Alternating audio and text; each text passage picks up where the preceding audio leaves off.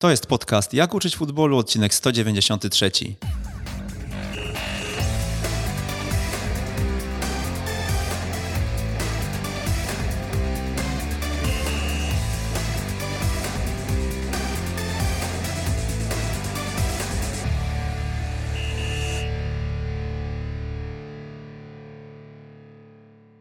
Jak uczyć futbolu 193 przy mikrofonie niezmiennie Przemysław Mamczak i e, niezmiennie witam Was wszystkich bardzo serdecznie. Mm, wiele jest dróg do e, pracy trenera. Jedna z nich prowadzi przez boisko piłkarskie i często mm, właśnie byli piłkarze po karierze trenerami e, zostają. Często miałem pytania o to, co o tym myślę, bo te ścieżki, ścieżki są często bardzo przyspieszone i Zawsze, kiedy to pytanie gdzieś e, pada, mówię e, o tym człowieku. E, mówię o nim dlatego, że on przeszedł drogę po piłkarskiej karierze bardzo poukładaną. Ten rozwój towarzyszył mu krok po kroku. I dzisiaj sobie o tej właśnie drodze porozmawiamy, bo myślę, że to dobry przykład do tego, jak, jak trochę może nie za szybko dotrzeć w określone miejsce, na które może ktoś nie być gotowym, a zrobić to w sposób E, w sposób bardziej e, zorganizowany. Legenda Śląska Wrocław, e, człowiek, który zdobył z tym klubem Mistrzostwo Polski mm, w 2012 roku, następnie przez wszystkie szczeble Akademii praktycznie przeszedł, kończąc w zespole rezerw. No i dzisiaj, no właśnie, dzisiaj w jakiej jest roli, to już sam o tym za chwilę opowie. Krzysztof Wołczek, cześć Krzysiek. Witam, cześć Przemku. No to powiedz, w jakiej roli mm, właśnie w Śląsku dziś funkcjonujesz, bo wiemy, że zeszły sezon skończyłeś z rezerwami, no i dzisiaj nie masz drużyny, mm, którą prowadzisz jako jedynka. To prawda.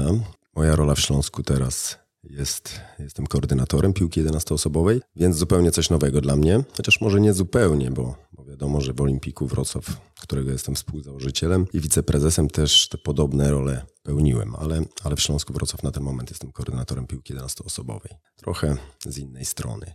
Po 11 latach ciągłego bycia trenerem, trochę inna rola, więc ciekawe wyzwanie to tobie już trochę mm, gdzieś, e, nie chcę powiedzieć, że się znudziło, ale e, gdzieś, gdzieś e, przemęczyło cię te 11 lat na tyle, że chciałeś jakiś rok przerwy, czy... Powiem tak, trochę tak, bo ten rok był na pewno dla mnie najtrudniejszy. Tak jak powiedziałeś, ta droga moja była dosyć systematyczna, czyli zaczynałem jako ogólnie prowadząc żaki, orliki, skrzaty w Olimpiku.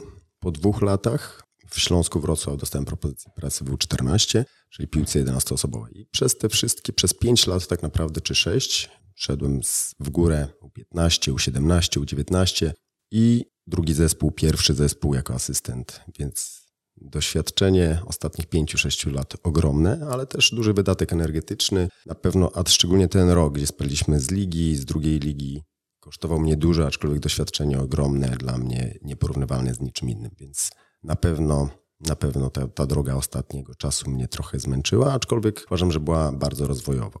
I, I myślę, że ten rok trochę w innej roli na pewno mi się przyda, aczkolwiek jako trener tutaj na pewno, na pewno jako trener wrócę do pracy. No powiedz, czy faktycznie zgadzasz się ze mną, e, że ta kariera twoja trenerska jest karierą modelową, że no właśnie w 2000 12 jeszcze przeszedłeś do Miedzi. Teraz y, nie odtworzę, w którym roku zakończyłeś grę w piłkę. 14, 15, tak? 14, 14. Mm, no i właśnie. I, I, czy w 2014, gdybyś trafił y, na poziom drugiej ligi, byłaby różnica? Czujesz, że dzisiaj mm, jesteś bardziej gotowy niż wtedy? Nie, no jasne, oczywiście. W 2014 roku, jak sobie przypomnę, moją wiedzę na temat piłki, mm, treningu, to, to była żadna tylko i wyłącznie doświadczenie boiskowe, więc y, na pewno uważam, że ta droga moja, którą przeszedłem, jest optymalna. I ta nauka od U14, od zarządzania na tym niższym poziomie, ogromna nauka i oczywiście są, ja nie wykluczam drogi takiej, że trener, trener od razu po zakończeniu mm, drogi piłkarskiej jest asystentem, powiedzmy, nie wiem, w ekstraklasie, w pierwszej lidze,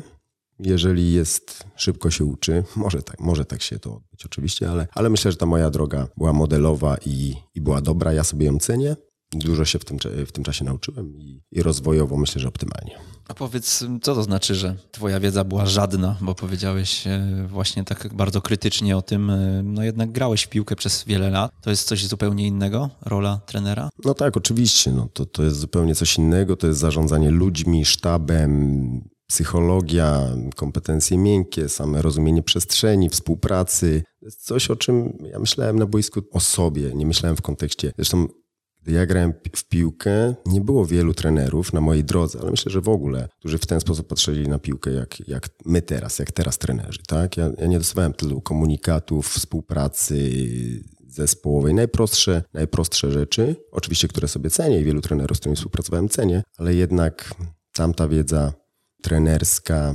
tamtych czasów, a teraz jest, jest to ogromna różnica. Największa różnica Twoim zdaniem jest w obszarze taktyki? Myślę, że tak. To jest największa różnica. Oczywiście ten obszar taktyczny, kiedyś to było dużo prostsze, więc no teraz jest tak dużo złożonych rzeczy. Wiadomo, że my z tych złożonych rzeczy chcemy, chcemy piłkarzowi dać pigułkę, tak? I to, żeby on rzeczywiście się odnajdywał w tym jak najlepiej, ale, ale często rozkładamy to na czynniki pierwsze, a kiedyś, kiedyś tak nie było. Kiedyś to były bardzo proste zasady, które taktyczne, współpraca taka zespołowa, praktycznie. Ja nie miałem wielu takich, takich komunikatów zespołowych i treningu poświęconego mocno taktycznie. Dobra, to jeszcze, żebyśmy sobie przeszli przez te wszystkie szczeble. My się poznaliśmy w Olimpiku, chociaż nie, my się poznaliśmy w sumie w Migzonie pewnie, gdzieś po meczu Śląska, e, już pewnie, no może nie 15 lat temu, ale coś koło tego, e, ale później pracowaliśmy razem w Olimpiku i e, ty pracowałeś, pamiętam wtedy z zespołem U8 czyli z zespołem Żaków. Pamiętam te rozmowy nasze, że twierdziłeś, że bardzo dużo ci ta właśnie praca w piłce pięcioosobowej dała. Co, co, co ci dała praca z Żakami? No od początku byłem nastawiony na tą pracę rozwojową, tak, więc i budowaliśmy jakiś tam plan szkolenia dla żaków, y, orlików, y, cały czas szukaliśmy mm, jakiegoś modelu, jak oni mają funkcjonować, zdolności, które mają posiąść y, na danym etapie, więc, więc to już mnie nakręcało, rozwijało cały czas i to nie tylko mnie, to była grupa ambitnych trenerów wtedy, no między innymi ty też. Więc, więc na pewno był to dobry, dobry czas i, i z wieloma trenerami, którzy na tamtym etapie byli w Żakach, Orlikach, Młodzikach, Olimpiku Wrocław. Wielu z nich jest w piłce poważnej, poważnych akademiach, są trenerami. Naprawdę, nie wiem czy to nazwiska wymieniać, ale na pewno Kuba Renosik, Michał Hetel, którzy, Michał Hetel, który teraz jest w drugim zespole Śląska Wrocław, był w dziale scoutingu, Kuba Renosik w Legii Warszawa, no ty czy Paweł Szymański tutaj Trenerzy szkolenia. teoretycy. Trenerzy teoretycy, ale, Trenerzy teoretycy, ale, ale Darek Olszanowski też jest Darek w strukturach scoutingowych PZPN-u. Tak. Paweł no była tam naprawdę fajna grupa. Czwart, tak. Czwartą ligę, tak. I też pracował w Akademii przy zespole U17, więc na pewno, na pewno to była ciekawa grupa trenerów. No dobra, to jeszcze poza takim zarządzaniem grupą, e, pracy z dziećmi, bo ona jest zupełnie inna niż w relacji z dorosłymi, czy właśnie te aspekty fundamentów gry, mm, tego, to było coś dla ciebie nowego wtedy właśnie w Żakach? E, te proste zasady, nawet, nawet tworzenia linii podania, tak, wyjścia e, z cienia przeciwnika, czy jakieś tam wsparcie, to, to, to, to były takie zasady, które gdzieś się przewijały w twoich konspektach, natomiast no właśnie, czy to było coś takiego, co, co gdzieś pozwoliło ci zbudować te podstawy indywidualne? No dokładnie tak. No, to, to nie były rzeczy, które ja znałem, które potrafiłem nazwać. Oczywiście grając w piłkę, no, stosowałem to tak intuicyjnie, no, intuicyjnie najczęściej intuicyjnie, ale, ale tak, tak, jak mówię, no nie potrafiłem tego nazwać, a co dopiero kogoś uczyć, zbudować to w jakiejś szerszej strukturze, żeby ktoś, aż dziecko to zrozumiało, tak? Później już mm, starszy zawodnik, więc y, na pewno to było dla mnie wyzwanie i to, to było coś, co, co uważam, że ten etap w życiu kariery trenerskiej, powiedzmy, był mi potrzebny. To jeszcze zapytam Cię, bo zadałem Ci to pytanie kiedyś prywatnie, ale, e, ale jeszcze raz je podbiję. Jak w Twojej sytuacji, czyli osoby, która właśnie zdobyła to Mistrzostwo Polski, no, no, no jest człowiekiem, którego we Wrocławiu każdy rozpoznaje e, z boiska piłkarskiego. Jak trudno było ci gdzieś tak ze swoim ego mm, się poprzepychać, powalczyć i, i jednak e, no, wejść do tego Śląska i pracować z U14, czyli drużyną, która grała wtedy w lidze wojewódzkiej, zdaje się. Wtedy nawet nie, jeszcze nie grali w CLJ, bo ja też przy tej drużynie troszkę byłem. To mm, no właśnie, to nie były mecze tak z Jagiellonią, z Legią, z Lechem. Poza tym wiedziałeś, że też jest U17, U19, jest zespół rezerw e, i pewnie gdybyś tam w, w tych rozmowach e, z zarządem był nieugięty i chciał te starsze roczniki, pewnie by się dostał.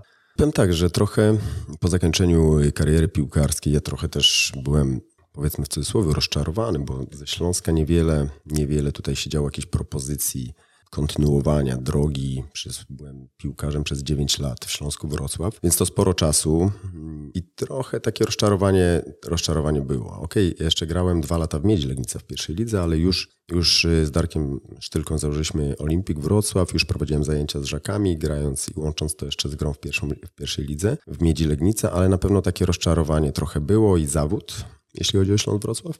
No i propozycja, pamiętam, że dyrektorem został Tadeusz Pawłowski, Łukasz Czajka był koordynatorem i złożyli mi propozycję zespołu 14. Ja kompletnie moje ego jakby tutaj nie jest w kosmosie, chociaż niektórzy mogą w to nie wierzyć, ale, ale tak i dla mnie nie było tutaj problemu. 14, piłka 11-osobowa, dla mnie to było coś nowego, gdzie pracowałem z Żakami i Orlikami, więc to było, traktowałem to jako, zastanawiałem się trochę, tak jak mówię, bardziej z racji żalu do Śląska, takiego w cudzysłowie i ale podjąłem decyzję, że okej. Okay. I, i, I, taka praca. Pamiętam, że chyba na etapie U17 albo U15 dostałem propozycję pracy z drugim zespołem, ale wtedy z tego zrezygnowałem i, i stwierdziłem, że, że idę po kolei. No właśnie, to powiedz, czy to było twoje założenie, które gdzieś tak sztywno sobie mm, ułożyłeś, że chcę przebyć właśnie ten, ten i ten etap i dopiero później wejść do piłki mm, seniorskiej, nazwijmy to, no bo wiadomo, że też w zespole rezerw jest dużo juniorów, tak, ale, ale jednak jest już to piłka w rywalizacji na centralnym poziomie. Czy, mm, czy to ten, ten proces decyzyjny mnie interesuje, na bo początku, on jest ciekawy na, początku na pewno. U14, jeżeli po prostu dostałem taką propozycję i z niej skorzystałem. Mhm. A później rzeczywiście już to była bardziej moja decyzja, że, że chcę zostać i przejść tam płynnie z U15 do U17, a, a nie mm, brać drugi zespół, bo, bo stwierdziłem, że, że to jest jeszcze etap, tu się będę czuł lepiej. W drugim zespole, wiadomo, to jest specyfika drugiego zespołu też ogromna, czyli zawodnicy, którzy spadają z pierwszego zespołu, większa rotacja, mniejszy wpływ jednak na taki, na zespół. Tak to wtedy na to patrzyłem. I stwierdziłem, że, że jednak, jednak jeszcze. Podobna historia chyba jak z Markiem Wasilukiem teraz, tak, tak mi się kojarzy, który też chyba dostawał propozycję, żeby być przy pierwszym zespole, a został przy U19 czy U18, tak?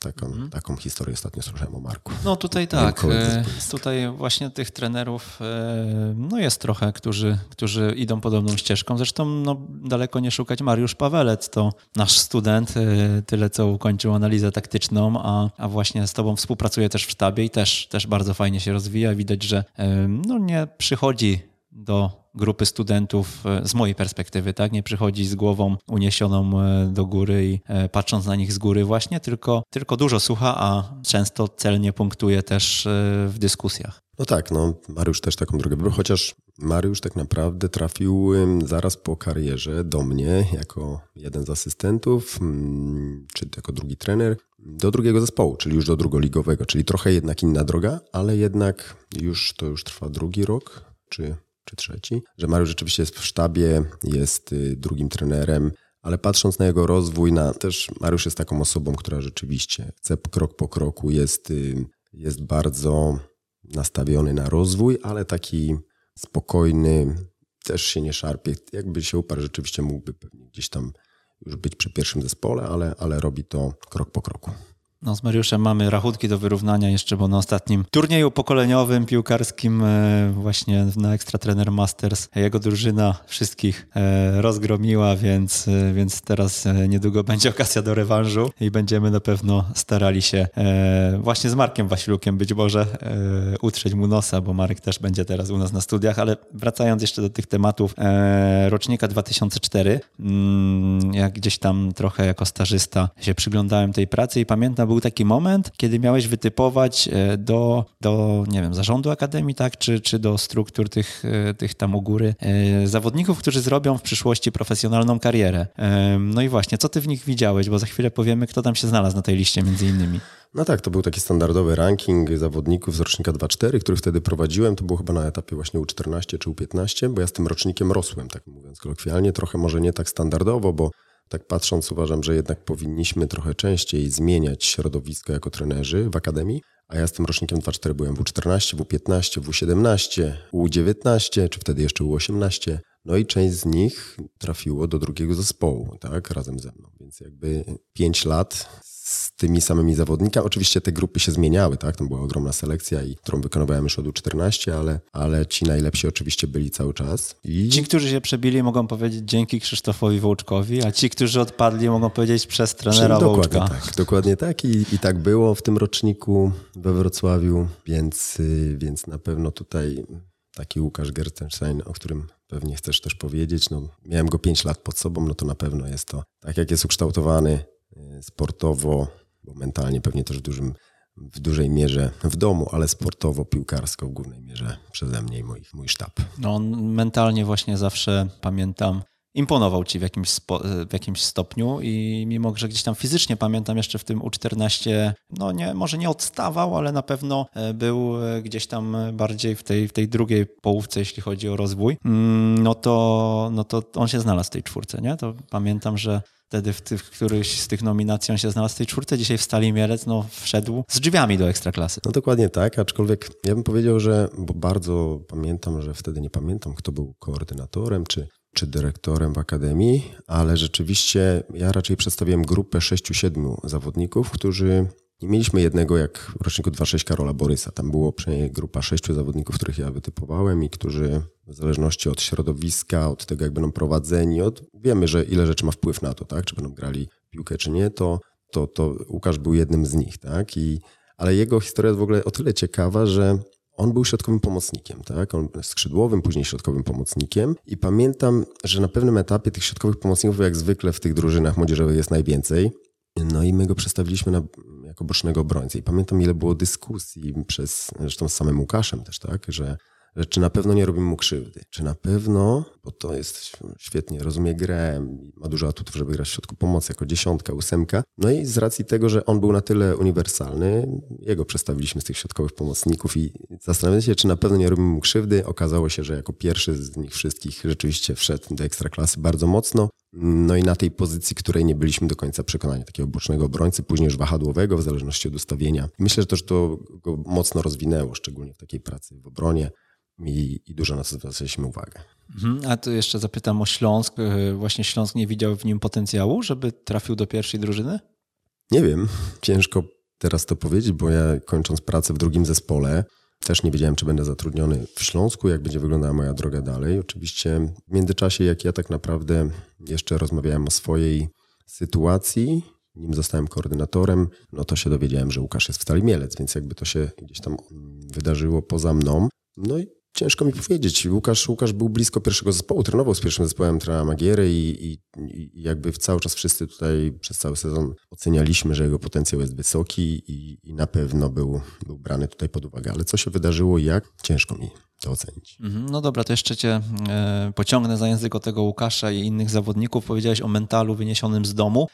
W jaki sposób to się objawiało? Jak e, trener ma gdzieś tam dostrzec? Dużo osób nas pewnie słucha i, i, i też mają pod sobą 14-15 latków. Jak on ma dostrzec, że to jest dobry mental, albo nie wiem, trzeba nad tym popracować? No to jest mnóstwo, mnóstwo czynników, które na to wpływają. Ja bardzo, nawet teraz obserwując pracę trenerów, też widzę zawodników, którzy rzeczywiście ten mental ma. Po prostu mówiąc krótko, są trochę zepsuci, a szczególnie ci zawodnicy, którzy są bardzo dobrzy, którzy wygry wygrywają mnóstwo pojedynków, którzy są na tym topie, na poziomie U14, U15, U16. Trzeba bardzo o nich, e, o nich dbać, tak w cudzysłowie, a wręcz ja miałem taką, pamiętam, miałem takiego chłopaka, nie będę tutaj zdradzał nazwiska, rocznik 2-4. Bardzo się namęczyliśmy, żeby go sprowadzić do Śląska z klubu partnerskiego i to był chłopak wychowywany bardzo tak pro, bardzo indywidualnie, czyli z takim, on, on bardzo był wpatrzony, ego wysokie, cały czas trochę rozpieszczony, taki, że ja jestem najlepszy, tak? I jakby zejście do takiego poziomu, że muszę, muszę bronić, muszę być cały czas skoncentrowany, strasznie dużo czasu mu zajął. I pamiętam, że pewnym etapie, na pewnym etapie wziąłem wszystkich tych najzdolniejszych zawodników do drugiego zespołu, a on został w zespole U18 wtedy. I bardzo to przecierpiał, ale zawsze miałem taką teorię, że niektórych z tych zawodników trzeba po prostu na zasadzie na, nie wiem, pół roku trzeba by było zamknąć w piwnicy, żeby zmienić ich mental, bo bo w domu jednak rodzice mają ogromny wpływ. Mama trochę taka nadgorliwa, rozpieszczająca. To jest ogromny wpływ, który później nam, trenerom, ciężko, ciężko zmienić. I, i, i te pół roku w piwnicy przysłowiowe, to, to ja traktuję, że, że zostawiłem go tam. Oczywiście nie zostawiłem go tak samego sobie. Po prostu powiedziałem, że ma teraz pół roku, a później się okazało, że kolejne pół roku.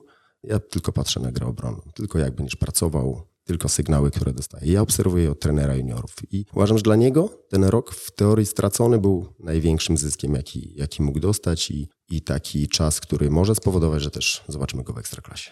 No tutaj pewnie podejście indywidualne jest kluczowe do każdego zawodnika i, e, i ta codzienna relacja. To jeszcze mm, już tak podsumowując e, tematy Akademii, bo chciałbym z Tobą pogadać o taktyce, której, e, która gdzieś jest Twoim chyba konikiem, to mm, powiedz, Czego dzisiaj Akademii Śląska brakuje, żeby weszła na jeszcze wyższy poziom? Bo we Wrocławiu jest przepotężny potencjał do tego, żeby zawodnicy, trenerzy, którzy tutaj trafiają, robili kariery, tak? Bo no, no, zestaw ludzki jest bardzo bogaty. Zarówno mówię na płaszczyźnie tych e, szkoleniowców, tak jak wymieniałeś tutaj Olimpik, e, który dysponował, dysponuje wieloma fajnymi ludźmi, to takich mm, szkółek też we Wrocławiu jest, e, jest kilka, poprzez właśnie no, zawodników, którzy są też w tych strukturach e, klubów partnerskich e, rozrzuceni na tyle, że e, z tej masy po prostu perełki co chwilę w każdym roczniku wypływają.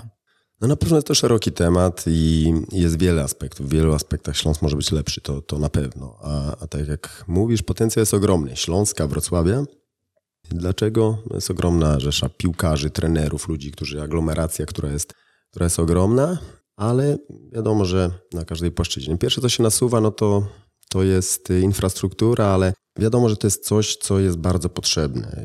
Interna, takie wieczne problemy tutaj w tym klubie, odkąd jestem z takimi podstawowymi rzeczami, aczkolwiek na sam koniec wiadomo, boiska rozrzucone po Wrocławiu, problemy z, z takimi rzeczami prostymi, ale suma summarum, na sam koniec ten zawodnik, ja do końca bym na to nie zwalał, bo sam ten, ten, ten zawodnik na sam koniec, niezależnie od tego, on i tak dostaje zieloną murawę, jest piłka, jest zielona murawa i kwestie, no i najczęściej dobre środowisko, tak, na poziomie akademii do rozwoju. I często dobrego trenera, więc jakby nie uważam, żeby tu dla zawodników była straszna krzywda. Aczkolwiek wiadomo, że dla samej struktury organizacji ta infrastruktura ma jednak znaczenie. Co jeszcze na pewno dział scoutingu, to są rzeczy, które, które musimy, musimy z samej masy to za mało. Musimy na pewnym etapie, a szczególnie na tym, tej, w tej piłce 11-osobowej już mocniej pójść w scouting zewnętrzny, mocniej ściągać zawodników nie tylko z Wrocławia i okolic, ale, ale ten scouting zewnętrzny w moim odczuciu powinien być na wyższym poziomie, powinno być więcej zatrudnionych ludzi do, do piłki 11-osobowej, żeby na tym etapie też, też zawodników ściągać do tworzenia środowiska i poprawiania go tej piłce 11-osobowej. Na pewno, jak mówię, no też, też w szkoleniu cały czas też chcemy Chcemy, żeby klub się rozwijał. No teraz ja jestem nad, z tej drugiej strony, tak? I, na pewno taki indywidualny trening pozycyjny, który chcemy wprowadzić, on już był w Śląsku Wrocław za czasów trenera Belli, Palu, dyrektora Paluszka i teraz chcemy to kontynuować. Uważamy, że rozwój indywidualny na pozycjach zawodników jest bardzo ważny, więc no pewnie jest, jest dużo aspektów, nad którymi możemy pracować. A organizacja, temat właśnie tej, tego obszaru? Bo tak z perspektywy mi się wydaje, że organizacyjnie jest bardzo dużo miejsca do tego, żeby zrobić progres. To, on jest często niewidoczny, nie? ale on się potem przekłada na codzienną pracę i no, w wielu polskich klubach y, to kuleje chyba.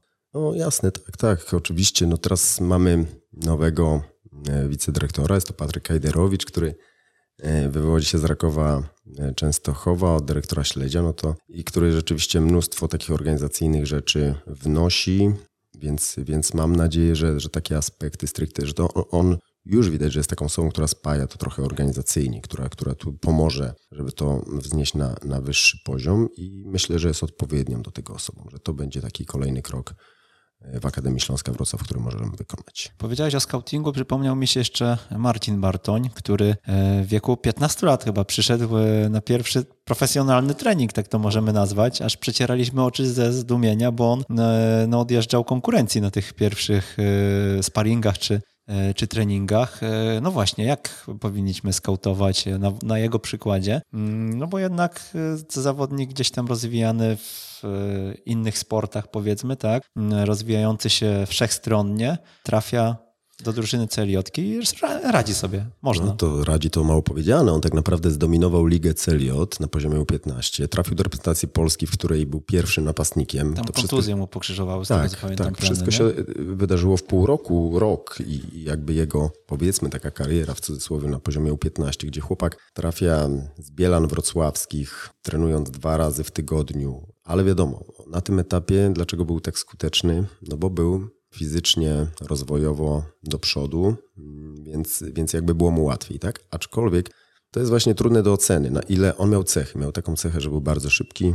Ocenialiśmy, że ta szybkość mimo wszystko jeszcze będzie się rozwijać, więc, więc też, też tak to potraktowaliśmy i rzeczywiście tak było, bo mimo, że wtedy przewyższał kolegów fizycznie, często tacy chłopcy na sam koniec jednak sobie nie radzą, ale też nie można ich skreślić, dlatego że są rozwojowo, biologicznie do przodu. Bo patrząc teraz na Marcina Bartonia, on jest teraz w Wiśle Kraków, blisko pierwszego zespołu. Nie śledzę tego na bieżąco, ale, ale na pewno gdzieś tam w jakichś grach kontrolnych już dostawał szansę, więc, więc to jest chłopak, który, który robił furorę, w pewnym momencie miał trochę ciężej, wiadomo jak się to fizyczność wyrównała, ale ostatecznie jest gdzieś blisko tej dużej piłki. Jak się potoczy, zobaczymy. Za 10 lat będę jeszcze mądrzejszy scoutingu. No a jak właśnie patrzysz na zawodników e, poza tymi cechami e, związanymi z fizycznością? E, na co, na co zwrócić uwagę, żeby dostrzec to coś u niego? No jest to bardzo trudny temat ogólnie. Uważam, taka ocena potencjału w akademii dla, dla ludzi mm, ze scoutingu. Tam jest Pamiętam, jak byłem na stażu w Benfice, Lizbona, którzy, gdzie ogromną wagę przywiązują do scoutingu. Tam scout jest wyżej oceniony niż trener i jakby, mm, jakby selekcja zawodników odbywa się, dla nich dwie płaszczyzny najważniejsze i trochę bym się z, tego, z tym zgodził. To jest mental i motoryka, czyli po prostu no to, są, to są dla nich dwa aspekty, które które są kluczowe. Czyli muszę mieć te cechy w tych sferach, żeby, czyli po prostu być wybitnie szybki, wybitnie wytrzymały, w zależności od pozycji oczywiście silny, ale oczywiście ceniamy też jego na ten moment, w jakim jest wieku biologicznym. Tak? I, I jeżeli ma cechy określone i mentalne cechy, no to wiadomo, pewność siebie i taki powiedzmy skoncentrowany na pracy, na, na, na celu, no to są rzeczy nie poddające się ktoś, kto cały czas dąży do zwycięstwa. No to są cechy, na które tam patrzą i myślę, że to są rzeczywiście takie. Innymi słowy, jak miał powiedzieć, zawodnik musi mieć cechy, które predysponują go do tego, żeby grać na najwyższym poziomie. A to, czy w tym momencie jest bardziej czy mniej skuteczny, na pewno to, te działania techniczne nie są aż tak kluczowe na tym niższym etapie, tak bym powiedział. Czyli reszta, kwestie taktyczne, rozumienie gry już po stronie trenera i jego odpowiedzialnością jest e, wtedy tego zawodnika odpowiednich rzeczy nauczyć. Dokładnie tak. Mhm. E, no dobra, to powiedzmy jeszcze sobie o tej taktyce. E, jak ty się rozwijałeś właśnie, mm, zaczynając, mówiłeś, że jako piłkarz nie miałeś tak wiele tego, tych aspektów, o których dzisiaj mówisz na treningach, których uczysz, e, więc, więc jak to do ciebie przychodziło? Skąd? Kogo podpatrywałeś? No to, to, to ciekawe. Tak naprawdę sam mój początek takiego treningu, tego jak byłem trenerem, to jest najprostsze rzeczy z grania w piłkę, tak? Ja wiedziałem, że chcę wysoko odbierać, tak sobie to usystematyzowałem sam. Chcę wysoko odbierać, chcę być takim byłem piłkarzem. Aktywnym, powiedzmy teraz bardzo modne słowo, proaktywnym, skoncentrowanym przez cały mecz, cały czas broniącym do przodu, wysoko w fazie przejściowej aktywnym. I to były zasady, rzeczy, które były dla mnie kluczowe i tak chciałem budować zespół, tak na niego wpływać, tak budowałem środki treningowe. No i, i, cały czas to rozwijałem poprzez gdzieś tam rzeczywiście za chwilę trafiałem na jakieś publikacje, za chwilę szukałem, czułem coraz większą odpowiedzialność. Im byli starsi zawodnicy, czułem coraz większą odpowiedzialność i też przez to chciałem się rozwijać, więc i, i, i jakieś tam książki, które publikacje, internet, początki moje też pamiętam, YouTube, który rzeczywiście gdzieś tam y, cały czas szukanie środków treningowych, które będą pod te rzeczy, które, które powiedziałem, pod tą proaktywność, fazę przejściową, pressing. To były najprostsze rzeczy. Tak, widziałem swój zespół, swoich zawodników i to na tamtym etapie było bardzo skuteczny, aczkolwiek mówię, no, te rzeczy stricte taktyczne poznawałem później. Później wchodziłem w fazy gry, to jak bronimy w danym momencie, jak atakujemy w danym momencie, szczegóły, współpracę, jakieś mikrorelacje, ale to już było, to był proces tak naprawdę, który się toczył. W wywiadzie dla Śląsknetu powiedziałeś, że wielu trenerów potwierdzi, że znacznie ważniejsze są zasady gry, a nie ustawienie. To staramy się wpajać zawodnikom. Gdybyś rozwinął ten cytat. Myślę, że to dosyć, dosyć proste, tak? No, ważniejsze jest to, wiadomo, że jeżeli, jeżeli tam model gry, powiedzmy, i, i zasady gry współgrają ze sobą, no to świetnie, tak? Model gry, zasady, ustawienie, no to, no to świetnie. Ale tak najważniejsze jest to zasady gry, czyli zasady działania na danej, na danej pozycji, jak się na danej pozycji zachowujemy czyli powiedzmy rzeczy niezależne od ustawienia. Tak? Wiemy, że skrzydłowy czy wahadłowy ma atakować przestrzeń, niezależnie od ustawienia. Ci zawodnicy, w którym to robią momencie, jak, czy robią to sygnały podania dłuższego, tak? sygnały dośrodkowań, napastnicy, obserwacja piłki otwartej. To są rzeczy, powiedzmy, przyjęcie kierunkowe, to są zasady, które, które niezależnie od pozycji, które chcemy nauczać i które, które tak naprawdę są kluczowe, niezależnie od ustawienia, niezależnie od modelu gry. Więc tutaj takie rzeczy, które też rzeczywiście sobie na pewnym etapie rozpisywaliśmy i które chcieliśmy nau nauczać i, i to, było, to było, myślę, dobre. To od czego zaczynasz wchodząc do zespołu, jeżeli chodzi o zasady? Jakie zasady są dla ciebie tymi podstawowymi, od których trzeba zacząć, żeby później móc iść, trochę dalej, krok e, do przodu? Zresztą, tak jak powiedziałem, dla mnie kluczem, chociaż no, ja zawsze wchodziłem trochę z tą samą drużyną, więc nigdy nie wchodziłem w jakąś nową drużynę seniorską, stricte. Ale dla mnie kluczem było to, co jak wszedłem do zespołu 14, czyli proaktywność, gotowość, inicjowanie, czyli nie czekamy. My inicjujemy, jesteśmy cały czas mm, wysoko, chcemy odbierać, być proaktywni, chcemy być z piłką. To są rzeczy, które, które są kluczowe. W momencie, gdy ją tracimy, chcemy ją szybko odbierać. To, to tak naprawdę były rzeczy, które nam wyznaczały, wyznaczały późniejsze cele. I powiedzmy, że taka wizja. To był punkt wyjścia i, i od, tego, od tego zaczynałem tak naprawdę za każdym razem. Tylko tak jak mówię, to była, była progresja najczęściej z, tymi, z tym samym zespołem, więc to nowego zespołu, praktycznie nie takiego nowego, nowego, nie wchodziłem nigdy, więc to, to pewnie przede mną. No to e, rozwijając jeszcze te zasady, co znaczy e, zasada guma od majtek? Czy zasada gumy od majtek, może powinienem powiedzieć? Tak, tak. No, oczywiście e, to, to jeszcze ty pamiętasz z zespołu 14. Bardzo prostym językiem wtedy trafiałem do, do zawodników i mm, to było mm, oczywiście reakcja na zamiar dłuższego podania, skracanie, wydłużanie pola gry, asekuracja, więc więc Czyli tak to, tak to. Mm, czytanie też piłki otwartej. Czytanie piłki zamkniętej. otwartej, zamkniętej, tak. Reakcja na zamiar dłuższego podania. Trochę ta przysłowiowa guma od majtek, czyli. Linia obrony się miała linia obrony, ta dokładnie, guma zachowywać. Tak? Dokładnie tak, tak. Więc, więc tak, to, tak to wtedy chciałem e, wizualizować e, zawodnikom. Dobrze to zapamiętałeś z, da, z dawnych czasów. To jest w moim modelu gry e, jedna z głównych zasad. Bardzo ważne. Nie, ja myślę szczerze mówiąc, że czytanie piłki otwartej i zamkniętej to jest na tyle prosta rzecz, którą możemy przekazać zawodnikom, a która robi taką e, dużą różnicę w ich interpretacji tego, co się dzieje na boisku i, i wyczuciu jakiegoś timingu, e, że no chyba byłaby jedną z takich rzeczy, od których bym zaczynał. No jasne, bo to jest i w ataku, i w obronie, tak? To jest jedna z zasad, bo czy atakujemy przestrzeń za plecami rywala, czy, czy bronimy przestrzeni za plecami, no to wiadomo, że jest to zasada bardzo ważna. Nie wiem, czy, czy to jest coś, od czego bym zaczynał. Ja jestem trochę, mm, wychodzę z założenia, że musimy pracować kompleksowo i, i wszystkie te zasady, które sobie w każdej fazie gry no, rozpisujemy je, ale, ale tak jak mm, zasada otwartej piłki w ataku czy w obronie, no to, no to myślę, że tych zasad jest, jest dużo więcej, których musimy uczyć kompleksowo. Nie możemy niczego pominąć. A którą drużyną się dzisiaj inspirujesz? E, ciągle Manchesterem City? Czemu ciągle, tak? Takie masz informacje? Pamiętam, że oglądałeś zawsze wszystkie mecze Manchesteru, jak zawsze rozmawialiśmy gdzieś w e, którymś treningu, to zawsze nawiązywałeś do Ligi Mistrzów właśnie do drużyny Guardioli, także no chyba dobrze pamiętam, nie? Że Guardiole wszystko. Też tak, tak. Chociaż nie wiem, czy jest jakiś trener, który nie ogląda Guardioli. Myślę, że takiego nie ma. Na pewno mnóstwo inspiracji, jeśli chodzi o niego, ale Inspiracji miałem wiele. Ogólnie jedną z rzeczy, które, które na pewno mnie rozwijały, to jest oglądanie meczów. Tak? To takie analityczne i, i obserwacja tego, przekładanie tego na trening, cały czas myślenie o tym w kontekście treningu, rozwoju własnego zespołu, zawodników. Więc to, to na pewno oglądanie meczów to, to jest klucz. I, I pamiętam, że chyba początki w ogóle to moje to był mm, Jurgen Klopp 4-3-3 w bronieniu, później Nagelsmann 3-4-3 budowanie mm, gry. Na pewno Guardiola był cały czas, to wiadomo, to, to, to mnóstwo rzeczy. Już później bardziej takich jak asekuracja ataku, jak faza przejściowa, bo ja patrzyłem na te rzeczy, dlaczego oni tyle trzymając piłkę, ale tak naprawdę jak ją tracą, momentalnie ją, ją odzyskiwali. No mnóstwo, mnóstwo rzeczy, które od każdego z tych trenerów trochę, trochę czerpałem. Na pewno, tak jak mówię, Nagelsmann, który miał ogromny wpływ wtedy na początku w Lipsku, takie 3-4-3. On zmieniał te ustawienia, ale to 3-4-3, które mocno mnie zainspirowało i, moc, i, i rzeczywiście tutaj, tutaj długo takim ustawieniem grałem. No teraz na pewno Dezerbi to jest, to jest ktoś, kto chyba każdego trenera e, inspiruje i tu, tu, tu jest też postać bardzo ciekawa.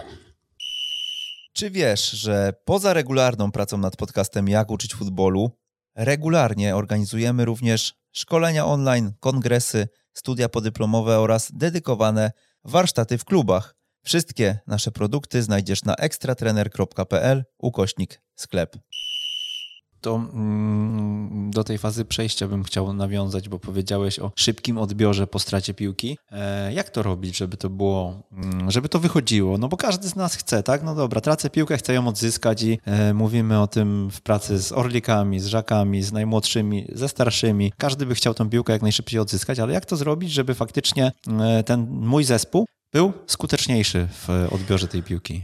Jakby organizacyjnie teorii jest to bardzo proste, tak? Myślę, że teoria jest na każdej. No, tracimy piłkę, pierwszy zawodnik najbliżej ją zamyka, tak? To jest klucz. Musi ją zamknąć. Kolejni zawodnicy zamykają linię podania. Ostatni zawodnicy najdalej od piłki bronią przestrzeni za plecami, jak piłka mimo wszystko jest otwarta, lub skracają pole gry, żeby zawężać, żeby rzeczywiście tą piłkę szybko, szybko, w zależności jak czytają piłkę, czy jest otwarta, czy zamknięta. Ale my jako zespół mamy zrobić wszystko, żeby była zamknięta. I, i, i tak naprawdę, jeżeli przeciwnik zmieni centrum gry, mm, wracamy z nad piłki, wracamy pod piłkę całym zespołem i teoria jest prosta, tak? A teraz dla mnie bardzo ważnym aspektem jest też aspekt mentalny i taki, mm, jak oczywiście trenujemy. No, dla mnie, może powiem, kiedyś taki największy komplement, jaki usłyszałem, chyba, chyba tak to mogę potraktować, od trenera Marcina Brosza, który prowadził reprezentację U18, 2-4 rocznik, właśnie mój, i, I przyjechał na oglądać moich zawodników na mecz. Graliśmy chyba wtedy jako rezerwy z pierwszoligowym Podbeskidziem Bielskiego. I on po meczu powiedział mi przez telefon, rozmawialiśmy oczywiście o zawodnikach, których on oglądał, ale powiedział mi, Krzysiek, twój zespół był cały czas gotowy, super, cały czas był gotowy, yy, skoncentrowany, obserwujący. To mi się bardzo spodobało, co powiedział, bo rzeczywiście tak było. Tak Zawsze chciałem, żeby mój zespół wyglądał, żeby tak był postrzegany, że cały czas wyprzedzamy przeciwnika, cały czas jesteśmy w grze, jesteśmy, no, tak jak powiedziałem, proaktywni i, i dbamy o to, żeby nie było momentu przestoju, że ktoś jest tyłem odwrócony do gry. Po prostu cały czas jesteśmy, jesteśmy gotowi do kolejnej akcji, czy w obronie, czy w ataku, czy w momencie przejściowym. To jest coś, co bardzo, bardzo mm, o co dbałem, o co chciałem, żeby mój zespół wyglądał, moi zawodnicy, żeby tak się zachowywali i i ten komplement, powiedzmy, strony Trumbrosza bardzo był dla mnie taki, który był dla mnie ważny. No dobra, no to jak w, do tego dotarłeś? Powiedz nam jeszcze. No powiem Bo tak, tego no, mi tu każdy, brakuje. Każdy, każdy, każdy środek treningowy nastawiony na fazę przejściową. Tak naprawdę nie było środka treningowego, w którym faza przejściowa by nie występowała. Mm, na pewno... Mocny coaching też, jeżeli ktoś nie reaguje wtedy? Tak, mocny coaching. Wiadomo, że to jest, to jest klucz, to jest dla nas bardzo ważne. Mm, taki sposób budowania jednostki treningu, środka treningowego, żeby, żeby to zawsze występowało. To, to na pewno. A no, co mogę powiedzieć? W takiej formie, może jeżeli już rozmawiamy o takich stricte trenerskich rzeczach, no to, to na pewno u mnie, jak oceniam teraz trenerów, trochę, trochę jeżdżę po treningach, to, to dla mnie to był przysłowiowy trener z piłką w rękach. Co to oznacza? Ta faza przejściowa, czyli niezależnie od fazy gry, niezależnie od tego, co robiłem w treningu, trener ma piłkę w rękach. Po co? Żeby ją wrzucić na boisko, żeby piłkarze reagowali na drugą piłkę, na, na to, że ona za chwilę może być gdzieś indziej, że musimy reagować, musimy ją zamykać w stosunku do kolejnej piłki się, się zachowywać. I ten przysłowiowy trener z piłką w rękach na boisku powoduje, że zawodnicy są cały czas gotowi na to, że, że kolejna piłka może być, że, że ta fa do tej fazy przejściowej. Więc to, to na pewno jest coś, że oprócz jeden z moich atrybutów to piłka w rękach. Jedną z, e, też trochę podzwoniłem przed naszym spotkaniem i jednym z e, takich rzeczy, na którą e, zwracasz podobną uwagę, to niezmienianie centrum gry dla zasady. Dlaczego? Co to znaczy Skąd to zmieniać? usłyszałeś? To niewielu. No, mam swoje źródła, ale nie zdradzam swoich źródeł, więc Okej, pasuje mi to pod Mariusza Pawelca, który rzeczywiście mówi, że to było dla niego trochę nowe i to jest tak, tak naprawdę trochę taki koncept, który trenerzy stosują, czyli po, powrót piłki, tak? Powrót piłki, mm, nie zmieniamy dla zasady, po koronce, bo, bo nie, szukamy przestrzeni, jeżeli możemy mi- minąć pressing. Najczęściej jest tak, że... A to mówimy o budowaniu, tak? Otwierasz grę Tak, od bramkarza, mówimy o budowaniu, a szczególnie dotyczy to bramkarza. Mhm. Y, Od bramkarza może najłatwiej będzie to zwizualizować, czyli bramkarz dostaje piłkę z naszej prawej strony i co robi najczęściej bramkarz? Najczęściej bramkarz zmienia stronę gry, zresztą wszyscy trenerzy Mhm. bramkarzy, jak patrzę, że tego uczą, przyjmuje w czwartej pozycji i gra, a najczęściej pressing jest z tamtej strony, co było podanie, czyli powiedzmy z naszej prawej strony jest pressing na tego bramkarza, czyli cały zespół przeciwnika chce założyć pressing w naszym lewym sektorze boiska koncept piłki powrotnej, czy, czy niezmieniania dla zasady jest taki, żeby minąć tego, tego zawodnika, który presuje, który próbuje nas wiązać, tak?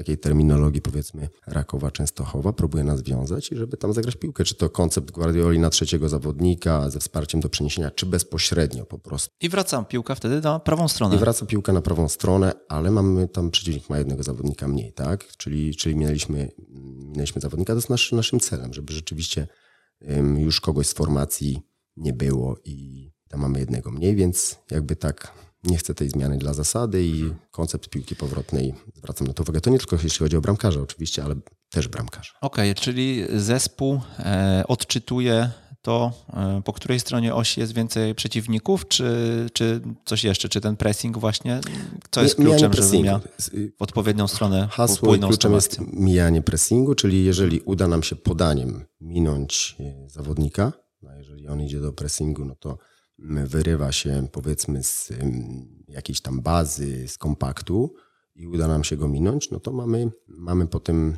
tym e, sektorze boiska już jednego zawodnika, e, zawodnika miniętego, a taki, taki jest nasz cel, żeby, żeby mija- mijać kolejne linie kolejnych zawodników podaniem, więc to, to na pewno, na pewno tak.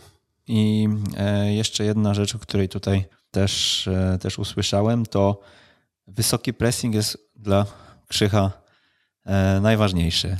No to, to tak jak powiedziałem, no to jest, to jest, to był, był zawsze punkt wyjścia, aczkolwiek on ewoluował oczywiście. W początku U14, U15 po prostu biegliśmy do przodu i, i chcieliśmy jak najszybciej odebrać, jakieś najprostsze zasady. Chociaż wiesz, że przeglądałem notatki swoje, mam taki plik 400 chyba 40 stron już e, wszystkich notatek od początku mojej gdzieś tam trenerskiej e, czy pracy, czy, czy, czy jakichś tam pomysłów i wpisałem nazwisko Wołczek i przy tym pressingu znalazłem tam informację o tym, że żebym teraz nie przekłamał, ale decyduje skrzydłowy skrzydłowy decyduje, e, czy idziemy do pressingu, czy e, zawężamy chyba, tak? Było na, na, na jakieś, ja musiałbym to otworzyć, powiem żeby zobaczyć przykład. Tak, to był etap U14, nawet nie pamiętam. Na pewno to był pressing 4-3-3, bo to było chyba inspirowane mm, Jurgenem, Jurgenem i, i, ale jakby zasad mm, nie pamiętam oczywiście, jeśli chodzi o to najczęściej inicjował skrzydłowy rzeczywiście i, i, i tutaj... On, te, on miał zgoda. decydować, nie? Tak, czy, tak. czy zamyka środek, czy właśnie idzie do, do bocznego obrońcy, z tego co pamiętam. Chyba tak, już nie pamiętam. Jeżeli chodzi o, o mówię, no teraz, no,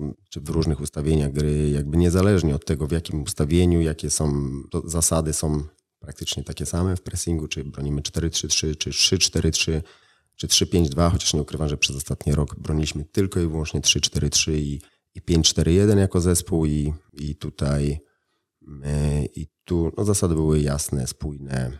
No to rozwiniemy to, możemy właśnie Możemy, pójść w ten pressing już nie wracając do tego, co było przed laty, tylko jak jest e, aktualnie. E, wiadomo, no każdy chce wysokiego pressingu też, no bo e, być może nie każdy to później na boisku prezentuje, ale gdybyś miał zapytać, czy chcesz dusić przeciwnika, odebrać mu w polu karnym i strzelić z tego gola, no to każdy powie pewnie. Mm, no tylko właśnie, mm, co jest sygnałem do tego, żeby e, rozpocząć wysoki pressing? Może od tego zacznijmy.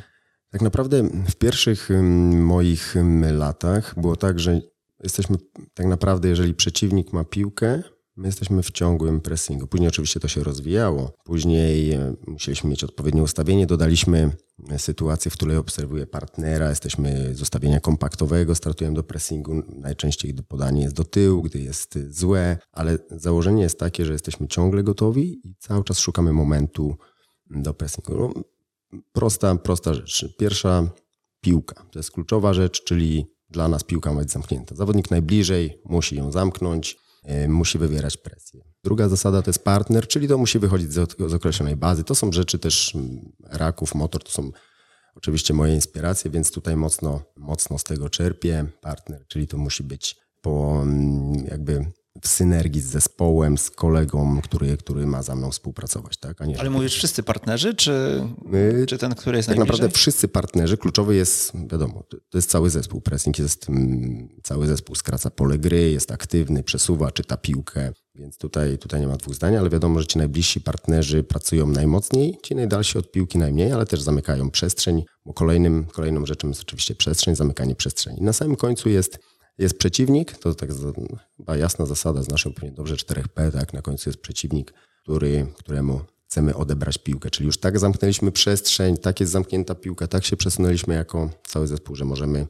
możemy odbierać piłkę, my chcemy odbierać piłkę. To jest, powiem tak, to jest y, pressing o tyle trudny, że to jest ym, typowy pressing z zamykaniem przestrzeni, nie z pójściem jeden na jeden od początku do, do przeciwniku. Niewiele zespołów stosuje taki pressing.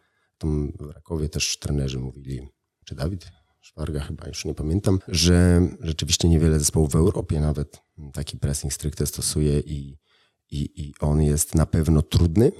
My się tego podjęliśmy jako drugi zespół jeszcze, więc Ale bardziej... mówisz było jeden na takie- jeden. nie, nie, nie, Nie. Właśnie mówię o pressing, Okej. który zamyka przestrzeń, który jest ukierunkowany na, na takie mm, powiedzmy zamykanie przestrzeni, a nie tylko na, na w jednym skoku pressingowym. Jesteśmy jeden na jeden, udało się super, nie, szybko odebraliśmy piłkę, nie udało się, opadamy pod piłkę. A to jest jednak pressing, który może być w dwóch, trzech tempach, może trwać czasem długo, bardzo długo, bo zamykamy środek, zamykamy, to jest kolejny priorytet, tak? Zamykamy środek. Pił, mogą, mogą przeciwnicy grać na zewnątrz, nie mogą grać między nas, więc ten pressing może, i jeżeli zamykamy przestrzeń, no to, y, no to, to on nie jest taki bezpośredni, że raz skoczymy, odebraliśmy albo nie. On może trwać, to jest bardziej mm, pracochłonne, mm, trudniejsze, ale docelowo przeciwnik nie powinien robić takiej progresji w grze, bo wiadomo, jeden na jeden możemy szybko odebrać piłkę, albo szybko może przeciwnik na dużej przestrzeni obrócić się i, i mieć dużą przestrzeń do działania do przodu. Więc jakby jeżeli przegramy taki pojedynek, tak?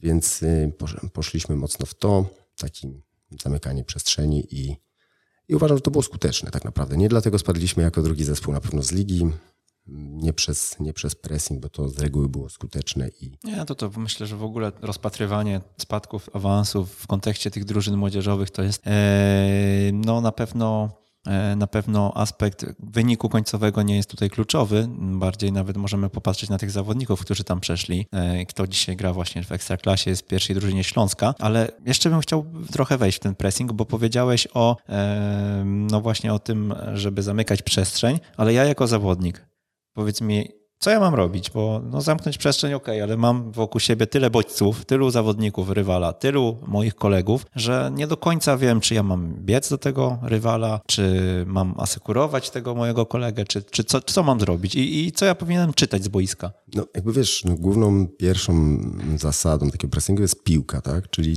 No to możemy sobie jakąś przykładową piłkę. sytuację na jej, na jej podstawie możemy to omówić. Na zasadzie, nie wiem, gramy e, przeciwko 4-3-3, e, czyli mm, piłkę otrzymuje lewy półśrodkowy obrońca, tak? Od bramkarza e, dostaje piłkę. Czyli co, ja jako dziewiątka ruszam do niego? Z reguły. Już błąd. Na sam, No, znaczy sam- na inaczej. start, My mieliśmy dwie możliwości. Jeżeli był przeciwnik czwórkowy, najczęściej inicjowała dziesiątka, Mhm.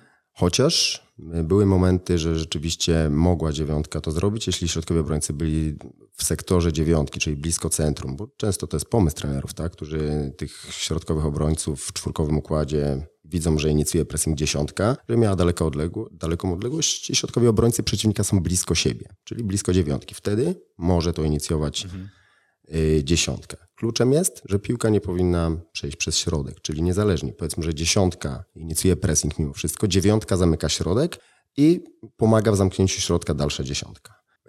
Wahadłowy oczywiście z półpozycji gotowy do tego, żeby, żeby startować w górę, górę do bocznego obrońcy. Do lewego obrońcy. Do tak? lewego obrońcy. Oczywiście wszyscy, tak naprawdę wszyscy zawodnicy są ustawieni w półpozycjach, czyli nie są doklejeni do, do przeciwników, tylko, tylko są gotowi, czytają piłkę, obserwują, zamykają przestrzeń w stosunku do tego, gdzie ta piłka będzie jest i gdzie za chwilę może być. Reagują oczywiście na, na zamiar przeciwnika, na kierunek gry, gdzie, będzie, gdzie będą grali przeciwnicy. No i ostatecznie piłka, piłka trafia w określony sektor boiska. Jest odbiór. Tak jest idealnie. No najczęściej pewnie będzie odegranie do półprawego Mhm. wtedy, tak? Czyli e, dziesiątka z dziewiątką, taka, taką fałkę robią, że e, To- pewnie tak? Znowu, to, to też zależy od tego, gdzie jest ten półprawy środkowy obrońca, który dostaje piłkę. W założeniu, Mhm. Aha, jak może powiedziałem, być dziesiątka. Może być, znaczy inaczej, w założeniu to jest dziesiątka, Mhm. jak powiedziałem. Na czwórkowy układ w założeniu to jest inicjują dziesiątki, a dziewiątka zamyka środek, jest niżej ustawiona. To jest założenie. Aha, Ale okej. tak jak powiedziałem, jeżeli ci środkowi obrońcy między sobą skrócą odległość, dziewiątka może być gotowa do tego, jeżeli ma krótszą odległość, że może też startować, zamykać piłkę. I wtedy dziesiątka zamyka, zamyka przestrzeń do środka, mimo że no, nie jest w górze, nie jest, tylko zamyka przestrzeń do środka. Czyli jeżeli dziewiątka inicjuje pressing, dziesiątki zamykają środek i dopiero gdy piłka jest na zewnątrz, startują. Okej, to wiemy, co się dzieje u góry i teraz no, zdarza się, że przejdzie podanie do szóstki gdzieś pomiędzy tą dziewiątką a dziesiątką, e, przegrają ten pressing. Jaka jest reakcja tej, tego czoła pressingowego? No, oczywiście powrót z nadpiłki. Powrót z nadpiłki. Napastnik też? Napastnik też, wszyscy oczywiście. To, Czyli to, to nie ma tak jak raków szukasz takiego napastnika, który wraca. Oczywiście, w 100% moi wszyscy napastnicy musieli, muszą, będą musieli pracować i to nie ma dwóch zdań, nie ma, nie ma innego wyjścia, nie widzę innej możliwości, żeby w tym, w tych czasach y, ktoś był zwolniony z pressingu, z gry obronnej. Czyli Cristiano Mardias miałby ciężko u trenera Wołczka. Tak, Wójcetrowicz, Cristiano Mardias za moich czasów na pewno mieliby Johan ciężko. Woskam też chyba. co? Johan Woskamp też, to na pewno, ale, ale no mieli inne atuty. Tak jak powiedziałem, piłka była trochę inna, były inne priorytety, inaczej ona wyglądała. A tutaj, tutaj na pewno e, moi napastnicy się nabiegają. Okej, fajnie tutaj e, myślę, że weszliśmy w ten temat, który jest dla ciebie tak istotny. To jeszcze przejdźmy sobie do przeciwnika z trójką. Em, Buduję na trójkę i znowu zaczynamy do środkowego obrońcy. No, no powiedzmy, Do że półlewego środkowy- zaczynamy, jest lepszy Półlewego? Dobra, no to Jak zaczynamy do do niego. bramkarz tam gra, to powiedzmy, że lepiej.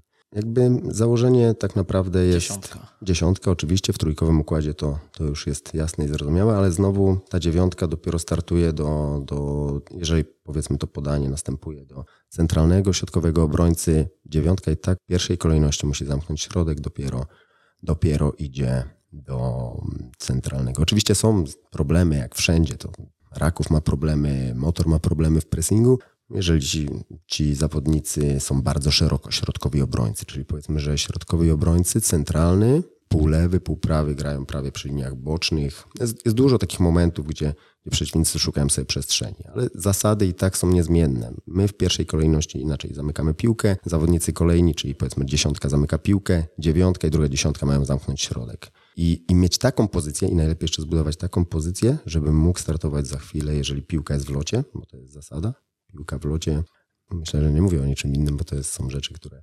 O niczym dziwnym, bo, bo to są rzeczy, które tak naprawdę mocno Raków stosuje. Ja, ja, to była moja główna inspiracja tego pressingu, więc stąd po obserwacji miliona meczów i mocno w to, mocno w to uwierzyłem i, i trochę, trochę tak naprawdę się tym inspirowałem, więc, więc Ale mówisz, jest... że y, piłka w locie to jest, y, żeby, żeby być przygotowanym, tak? Dokładnie. Czyli jakby zamykam środek, powiedzmy podanie do centralnego, dziewiątka zamyka środek i jest moment podania... Długiej piłki. Jakiej? Długiej piłki. Tak? Powiedzmy długiej, pasa 20-metrowego. Okej. Dziewiątka jest gotowa, zamyka środek, ale jest gotowa, czyta, reaguje na to, bo jeżeli ta dziewiątka tak zamyka środek, zejdzie bardzo nisko, nie czyta trochę wcześniej tego podania, reaguje dopiero wtedy, czyli wychodzi do środkowego, centralnego obrońcy w momencie, gdy ta piłka jest już u niego w nodze i on ją naprowadza, no to to nie jest pressing, tak? To, to tak naprawdę nie ma sensu, żeby on w ogóle wychodził, tak? Moment startu do piłki jest momentem podania do tego zawodnika. Czyli te, czas lotu piłki jest czasem sprintu do, do przeciwnika z piłką. Mhm. No tak, wtedy jest, e, jest, e, jest ten czas właśnie, który warto wykorzystać, a z drugiej strony no też ten przeciwnik musi przede wszystkim się skupić na odpowiednim przyjęciu, e, żeby nie zrobić błędu, więc też może stracić gdzieś Szczególnie pod presją, jeśli Tak. w sprincie idzie na niego przeciwnik, może popełnić błąd i no to, to jest zasada, którą też, zasada pressingu. A jeszcze zapytam Cię o, mm, o to, skoro środek e, i zamknięcie tego środka jest dla ciebie kluczowe, to czy zwracasz swoim zawodnikom uwagę na to, żeby w momencie, kiedy właśnie na tym sprincie biegnę, to żebym też wiedział, co się dzieje za moimi plecami, bo kluczem jednak jest, żeby on nawet z pierwszej piłki mnie nie przegrał i nie zagrał w środek, obok mnie gdzieś, tak? Y, Jasne, tak. Y, Założenie jest takie, że wszyscy zawodnicy dbają o to, żeby ten środek był zamknięty. To oczywiście on, on o to dba i, i, i tak samo, no, czy inaczej. Czyli nabiegając stara się e, jednocześnie nabiegać takim torem, żeby e, odcinać linię podania, czy, czy niekoniecznie? Czy ma najkrótszą drogą do tego przeciwnika? Czy to jest tak? Piłka ma nie trafić mm, w środek i jeżeli, bo są różne sytuacje na boisku, jest sytuacja, że są dwie szóstki, co jest bardzo trudne, tak? Więc wtedy więcej pracy, on nie zamknie linii podania do żadnej z tych szóstek, więc on po prostu jego głównym mm, tutaj celem będzie zamknięcie piłki. A, dbać o to będą, e, będą dziesiątki, tak? Żeby rzeczywiście ta piłka ta piłka nie trafiła w środek. Ale jeżeli jest jedna szóstka i on rzeczywiście może to identyfikować i dbać o to, żeby, żeby ta piłka nie trafiła, nie trafiła między nas w środek. E, Nic, okej, nic się nie dzieje bez, bez identyfikacji, tak jak mówię, piłki, przeciwnika, nasz, mojego partnera i przestrzeni. Czyli tutaj w momencie pressingu te dziesiątki zawężają, obniżają e, i dalej już gdyby któraś ósemka zeszła, taki Josue typowy, to, e, to wtedy moja, twoja szóstka za nim Oczywiście szóstki też uczestniczą w tym Rusza. pressingu, więc w zależności od tego, w którym sektorze jest piłka, której szóstki, no bo, czy ósemki, w zależności jak. U mnie to były na zamiast dwie szóstki. W lewym mm, sektorze jest piłka, trafia przez środek mimo wszystko, no to prawa szóstka nasza to identyfikuje, mocno idzie w górę. Oczywiście tu, tu, tu odległości między nami są na tyle małe, że tu wszyscy, wszyscy reagujemy na piłkę i są zawodnicy z kolejnej linii, czyli z linii pomocy, którzy też na to reagują. Jeżeli ta piłka wpadnie, zawodnicy z góry reagują, żeby być, wrócić z nas piłkę, a zawodnik e, szóstki idą mocno w górę. Oczywiście jest to praca diagonalna, czyli jeżeli w sektorze, w którym jest piłka, nasza szóstka wychodzi w górę, druga szóstka nie trzyma jeden na jeden kolejnej szóstki, tylko, tylko asekuruje, mm, asekuruje szóstką, która wychodzi w górę, jest ustawiona diagonalnie i broni przestrzeni między nas i za plecami tej szóstki, która pracuje. To wiemy już, e, co się dzieje z tymi formacjami ofensywnymi, powiedzmy bardziej. Co się dzieje jeszcze z tyłu, powiedz mi, w momencie, kiedy presujecie, e, jak się zachowują obrońcy, na co im zwracasz uwagę? No powiem tak, że to jest akurat bardzo ważny temat, uważam, który, który jest niedoceniany. Często patrzymy tylko na czoło pressingu, ewentualnie na te dwie linie, ale, ale kluczem jest to, co się dzieje, jakie są odległości między linią obrony a linią pomocy.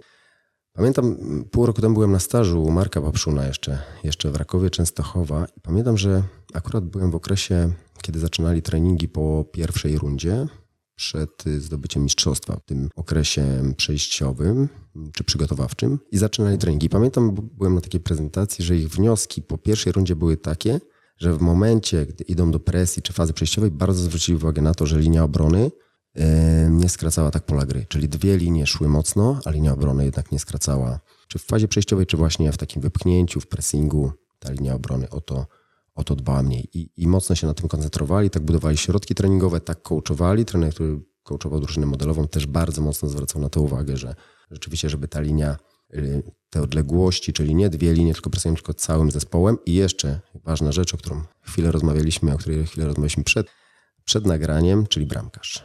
Ja uważam, że to jest też totalnie niedocenione i niewielu trenerów o tym myśli, ale przy takim graniu wysoko, aktywnie, y, bardzo czujny musi być bramkarz, czujny jak czujny, ale jeszcze pracować razem z zespołem, on musi być tak naprawdę ostatnim obrońcą. No to jest rzecz, na którą e, no, nie zwróciłem uwagi też, przyznam szczerze, więc, e, więc fajnie, że to też e, wybrzmiało tutaj, bo ten bramkarz e, no, w momencie, kiedy pressing jest wysoki, u, u ciebie również rozumiem, ma być na 30 metrze, tak? Ma być wysoko ustawiony. Wiesz, nie, nie określam tutaj odległości tego, no, bramkarz też czyta piłkę, czyli tak jak każdy, jak każdy zawodnik obserwuje na tyle, żeby rzeczywiście mógł reagować do przodu też, tak? I to tutaj odległości nie chcę określać. Musielibyśmy mieć tablicę przed sobą. Okej, okay, no czyli jeszcze, mm, jeszcze kończąc ten wątek, e, ta linia obrony e, ma po prostu się synchronizować też z linią pomocy, tak? Jeżeli ta szóstka idzie wyżej, to, to ta trójka obrońców również, tak? Rozumiem, wchodzi na połowę przeciwnika. Jasne, skracają pole gry w momencie, gdy piłka jest zamknięta, gdy przeciwnik rzeczywiście no, czytają piłkę, czytają reakcję, reakcję na zamiar, czy dłuższego podania, czy podanie jest krótsze, czy mogą skracać e, pole gry, czy muszą je wydłużać, bronić swoich pleców. Oczywiście ta praca e, z obrońcami, najczęściej ją robił Mariusz Pawelec i Dawid Gomola, czyli ja raczej to czoło pressingu, na tym się koncentrowałem, jeśli robiliśmy to już w treningu formacyjnym. I, ale to na pewno to był, to jest bardzo ważny aspekt tych, tych ludzi najdalej od piłki. Szczególnie na, w drugiej lidze, tak, gdzie gro zespołów, mówiąc krótko, chce wykorzystać przestrzeń za plecami i to bardzo szybko i, i tu na pewno trzeba mocno być na tym skoncentrowanym. To ten bramkarz i ta linia obrony tutaj jest kluczowa. Dużo Rakowa. E, mówiłeś o motorze Lublin też, e, że byłeś na stażu dopiero co. E, byłeś u nas na szkoleniu z Mateuszem Stolarskim. Powiedz, mm, z czym się nie zgadzasz z ich zasadami? Bo być może jest coś, to tak, tak oglądamy, te, te maszynki wyglądają na, na idealnie skonstruowane. Tak? Tam wiemy, że sztaby specjalistów nad grą tych drużyn pracują i teraz no, pytanie do ciebie. Przyjechałeś, byłeś tam tydzień, czy nawet dłużej, tak? I w jednym i w drugim miejscu. Czy zauważyłeś coś, z czym powiedziałeś, no fajne, ale ja wolę inaczej i dlaczego? Trudne pytanie zadałeś, bo raczej koncentrowałem się na tym, co, co jest dobre i co mógłbym do swojej pracy przeszczepić. Czy było coś takiego? Czego to może pójdziemy od odwrotnej strony. Na pewno było mnóstwo rzeczy, które, które widziałem, oczywiście znałem, bo, bo i Motor Iraków mocno obserwuję. To są zespoły, których w Polsce się, się mocno inspirowałem i od początku tutaj Markiem Papszunem i, i tutaj Gonzalo Fejo. Dlaczego? Bo bo motor obserwowałem, odkąd Gonzalo Fejo przejął ten zespół, bo grali bodajże trzy, trzy kolejki przed nami, więc przygotowując się do kolejnych meczów, do analizując rywala, no to ten motor zawsze gdzieś się przewijał i, i, i go oglądałem, widziałem powtarzalność, widziałem zmianę i wpływ, jaki wywarza trener Fejo na, na zespół, widziałem zasady, jasno i wyraźnie, jak ktoś obejrzy jeden mecz, to ktoś, kto trochę się zna na piłce, zobaczy, jakie są zasady. Stąd pojechałem na staż i, i tak naprawdę oba te staże, Raków Częstochowa i, i Motor Lublin, teraz to są modne zespoły. Dlaczego? Bo są skuteczne, wygrywają, a suma summarum w piłce o to chodzi. I, I jakby zasady, które tam zobaczyłem, trening, to wszystko do mnie trafia i oczywiście pewnie są małe rzeczy, nie potrafię nawet teraz tego, tego mocno gdzieś w głowie poukładać, żeby tak może znaleźć, ale w większości mówię, to jest, to jest y, kierunek, w którym chcę iść jako trener, chcę, żeby moje zespoły, które będę prowadził, żeby w takim kierunku szły mm, tak jak te zespoły.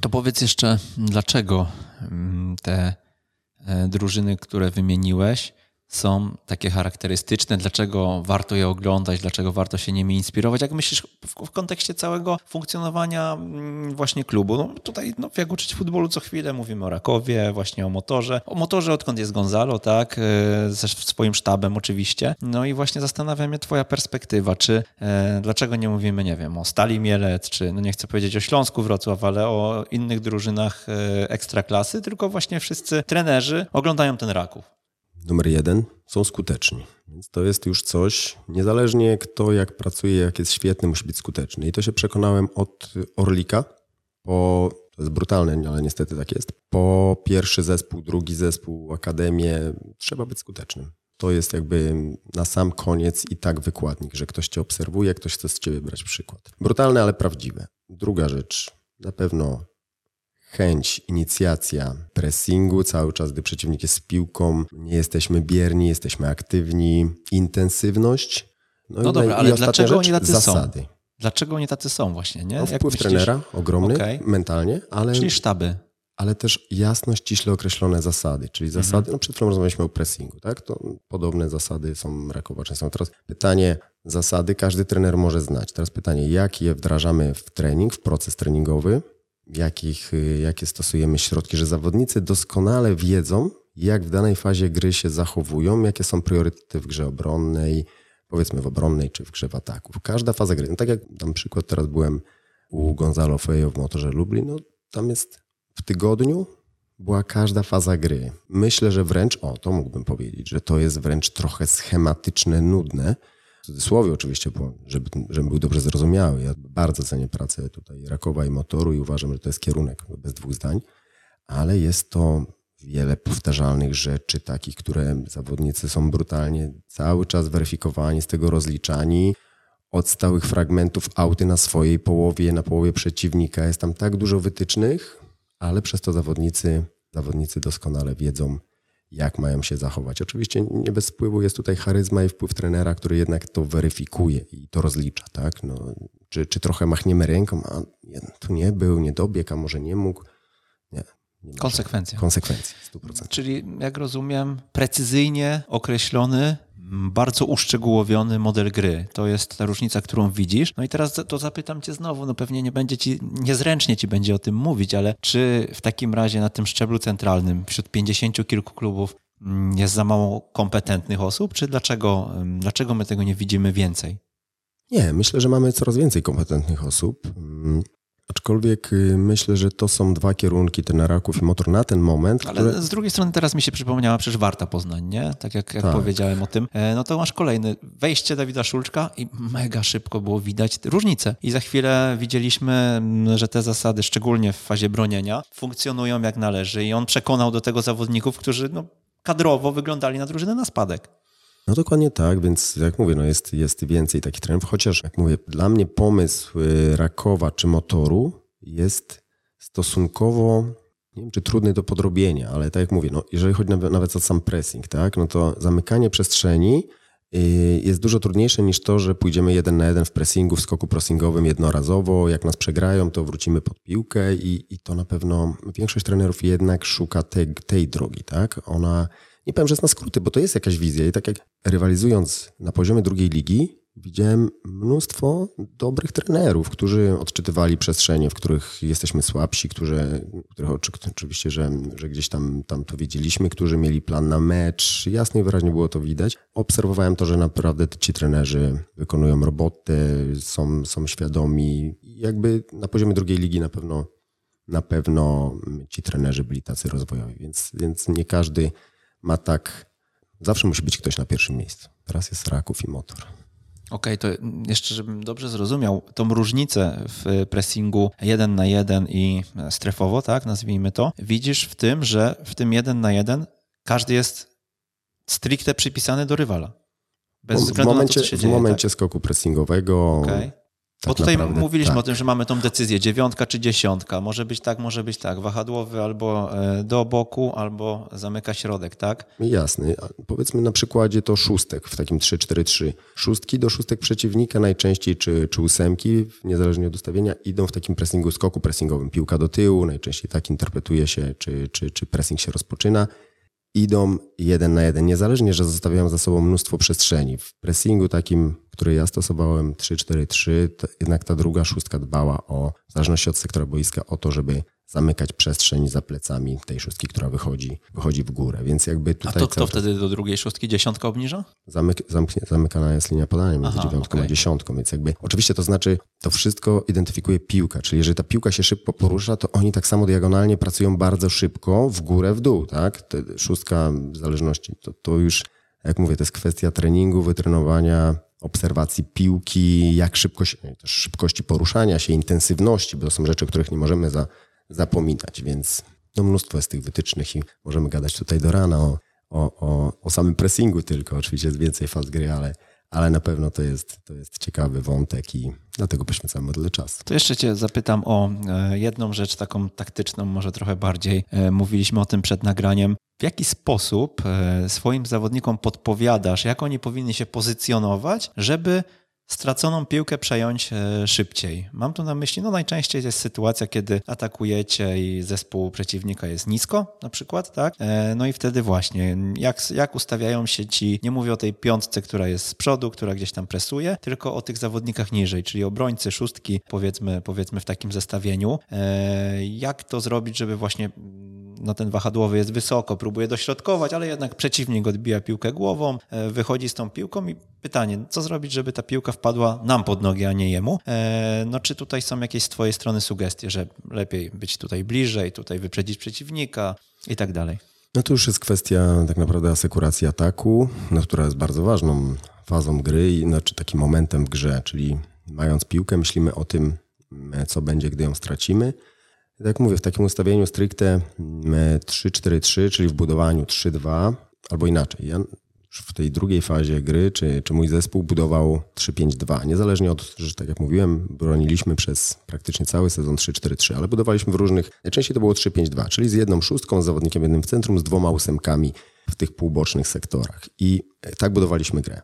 I jedna z tych szóstek z fazy bronienia szła po prostu jako ósemka, a jedna z dziesiątek szła jako, jako druga ósemka. I w momencie, gdy budowaliśmy prawym sektorem grę, powiedzmy wahadło jest wysoko, e, napastnicy są wysoko, bliższa ósemka wtedy w 3-5-2 do wcięcia, też do, do, do gry, tak powiedzmy, no to do asekuracji ataku, oczywiście oprócz trzech środkowych obrońców, była szóstka i dalsza ósemka. Tylko dalsza ósemka sobie, mm, sobie zakładaliśmy, że to jest zawodnik, który znowu czyta piłkę.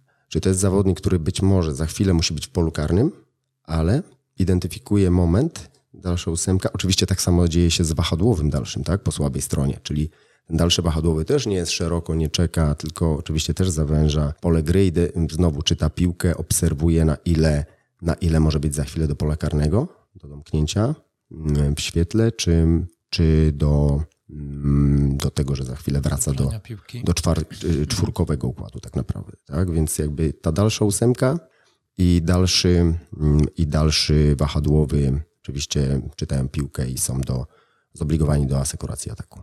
Powiedzmy może tutaj słowo o prezencie od ciebie, bo podzieliłeś się z naszymi słuchaczami mezocyklem treningowym z zeszłego sezonu.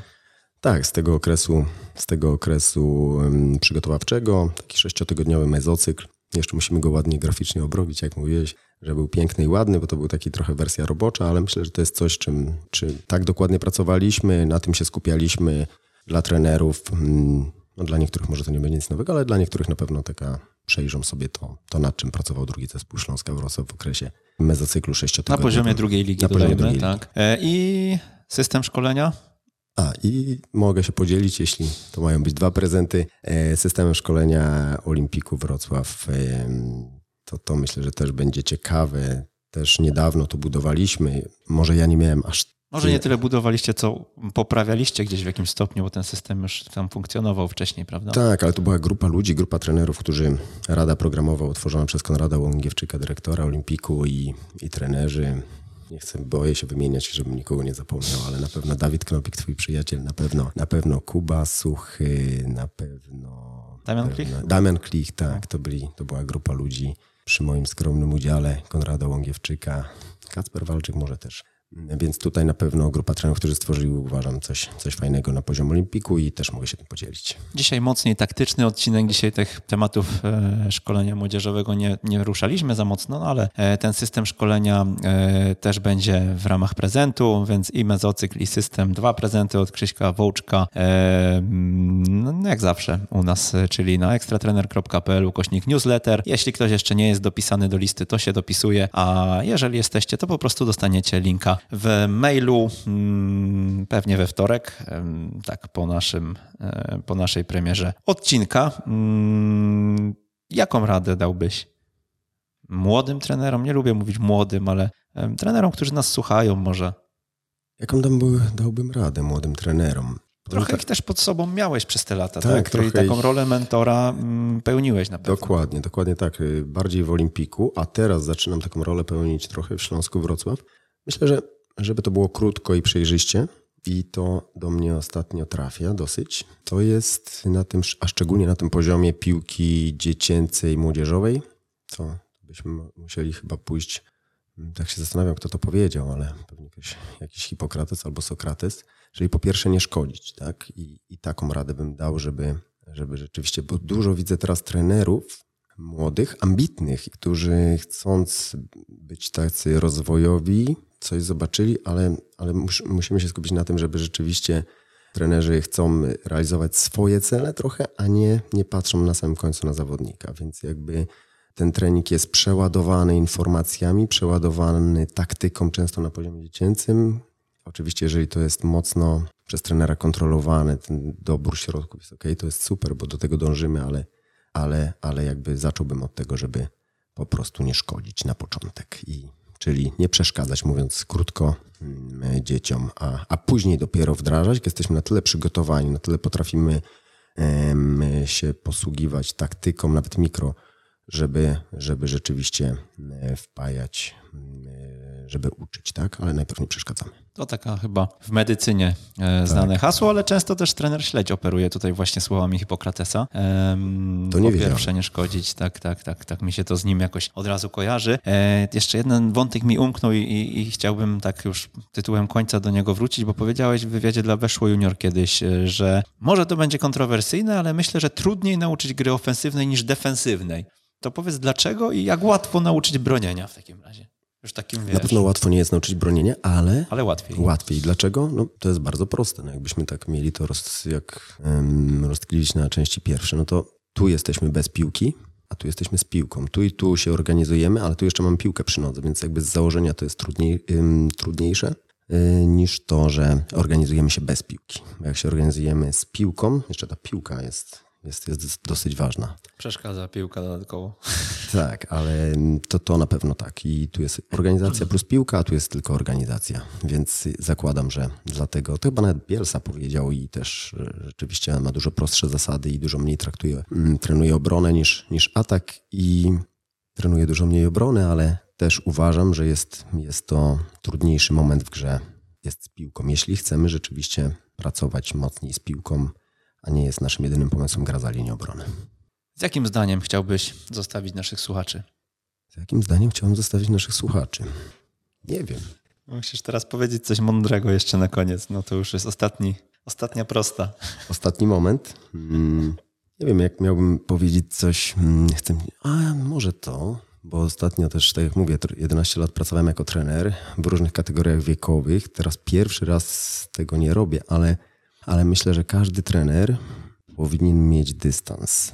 Powinien mieć dystans. Ja nie ukrywam, że przez ostatni rok trochę mi tego dystansu, mam wrażenie, zabrakło. I musi być czas na wszystko. Musi być czas na dzieci, rodzinę. Już mam 45 lat już, albo no trochę tak. I jeżeli gdzieś się zakupiamy w tym komputerze, w tej analizie obejrzymy kolejny mecz, wytniemy kolejne, kolejne filmy, gdzieś ucieka clue. I jeżeli nie złapiemy dystansu, nie wypijemy z żoną wina na, na, na tarasie, to, to gdzieś można zgubić clue. I ja mam wrażenie, na pewnym etapie się w tym w trochę rzeczywiście tak było na poziomie tej, tego ostatniego sezonu. I nawet w tych aspektach taktycznych tak mocno w to wszedłem w sam trening, że, że tego dystansu zabrakło. Jak analizowaliśmy później, dlaczego spadliśmy z ligi ze sztabem, z Mariuszem Pawelcem, z Dawidem Gomolą, dlaczego, to właśnie trochę za mocno byliśmy w procesie, a szczególnie ja jako pierwszy trener. Za mocno byłem w samym procesie takim taktycznym, w prowadzeniu środków, że zgubiłem dystans obserwacji. I, I to, to nie tylko na boisku o ten dystans chodzi, ale też życiowo poza boiskiem. Myślę, że to jest bardzo potrzebne. Zdecydowanie tak. Tutaj nie pierwszy raz to pada i to też myślę jest fajna klamra e, naszego odcinka, naszego spotkania, bo e, tak jak powiedziałem o tym e, modelowym rozwoju twoim, tak, tak widać, że też no, w jakiś sposób nawet tego typu refleksje, tego typu przem- przemyślenia, one, one przychodzą z czasem i, e, no i są bardzo cenne, bo pewnie dzięki temu właśnie balansowi pewnie będzie ci dużo prościej zrobić kolejne kroki, bo bez niego, tak jak mówisz, możemy się zatracić i gdzieś, gdzieś e, wyłożyć e, pod presją tego wszystkiego, co nas otacza, a jednak wentyl bezpieczeństwa jest każdemu potrzebny. Koniecznie. Krzysztof Wołczek. Dziękuję ślicznie. Do zobaczenia. I ja również e, dziękuję. To był 193 odcinek Jak uczyć futbolu. Przemysław Mamczak, do usłyszenia za dwa tygodnie.